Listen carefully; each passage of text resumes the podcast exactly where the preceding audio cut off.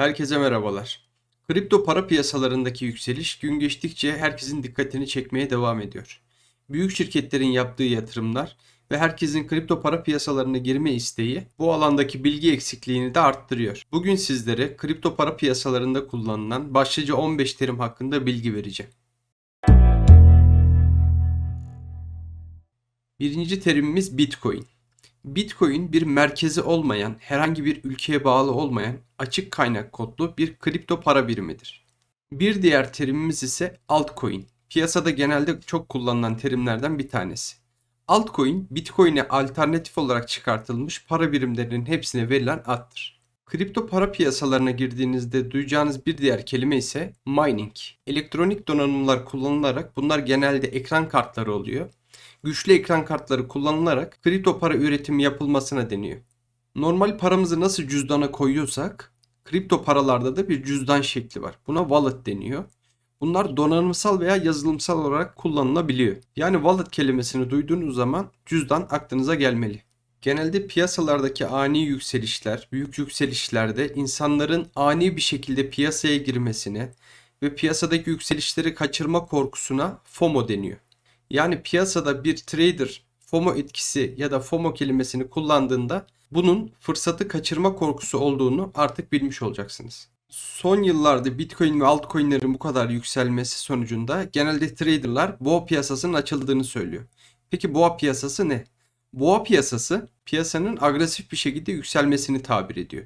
Bunun sonucunda da herkes piyasaya girip kazanmak istiyor. Bu durumda FOMO etkisi yaratıyor. Peki ayı piyasası nedir? Boğa piyasasının tam tersidir. Genellikle uzun süreli düşüşler ve piyasadaki karamsarlık üst düzeyde olduğu için piyasa çok durgunlaşır, işlem hacimleri çok düşer. Pump ve dump kelimesi de genelde çok kullanılıyor. Pump belirli bir güçteki borsacılar tarafından oluşturulan şey, dump da aynı şekilde. Pump yukarı doğru fiyatın yürütülmesi, dump ise aşağı doğru fiyatın düşürülmesi anlamına geliyor. Yani pump yükseliş, dump düşüş. Bir diğer terimimiz ise all time high. All time high bir kripto paranın ulaşabildiği en yüksek nokta. Yani kendi rekorunu kırdığı noktaya all time high deniyor. Dip kelimesini de duymuşsunuzdur. Dip demek bir coin'in belli bir zaman aralığında en düşük noktaya, en düşük seviyeye inmesine denir. En çok kullanılan terimlerden bir tanesi de long terimidir. Long Türkçe'de uzun anlamına gelmektedir. Bu uzun piyasadaki bir kripto paranın veya herhangi bir değerin ileriki zamanlarda daha fazla değerleneceği anlamına gelmektedir. Genellikle long işlemler uzun süreli işlemlerdir. Short terimde long teriminin yanında genelde çok kullanılır. Short terimi de long'un tam tersi olarak fiyatın veya bir değerin düşeceği anlamına gelmektedir. Yani bir bir değer, bir kripto para düşecek diye bunu satıyorsanız siz de short'a girmiş oluyorsunuz. Piyasalarda genelde iki türlü işlem yapabiliyorsunuz. Bu işlemlerden bir tanesi spot piyasalar. Spot piyasalarda yaptığınız işlemler. Bu işlemler genelde takas türü işlemler. Yani e, para veriyorsunuz, kripto para alıyorsunuz. Ya da kripto para veriyorsunuz, paranızı geri alıyorsunuz gibi böyle e, elden ele değişim işlemleri. Yani günlük hayatta yaptığımız işlemler gibi spot işlemler.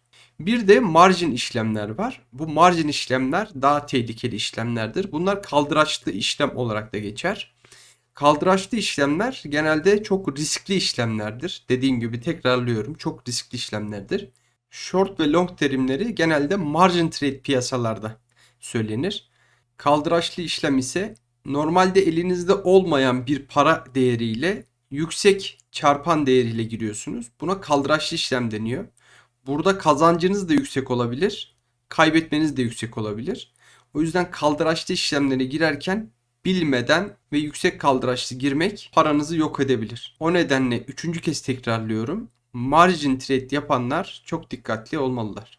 Evet arkadaşlar, bugün sizlere kripto para borsalarında çokça kullanılan 15 terim hakkında bilgi verdim. Bu bilgiler tamamen kendi bilgilerimdir. Bir hatam, bir eksiğim olabilir. Siz daha detaylı araştırarak bu konularda bilgi de edinebilirsiniz.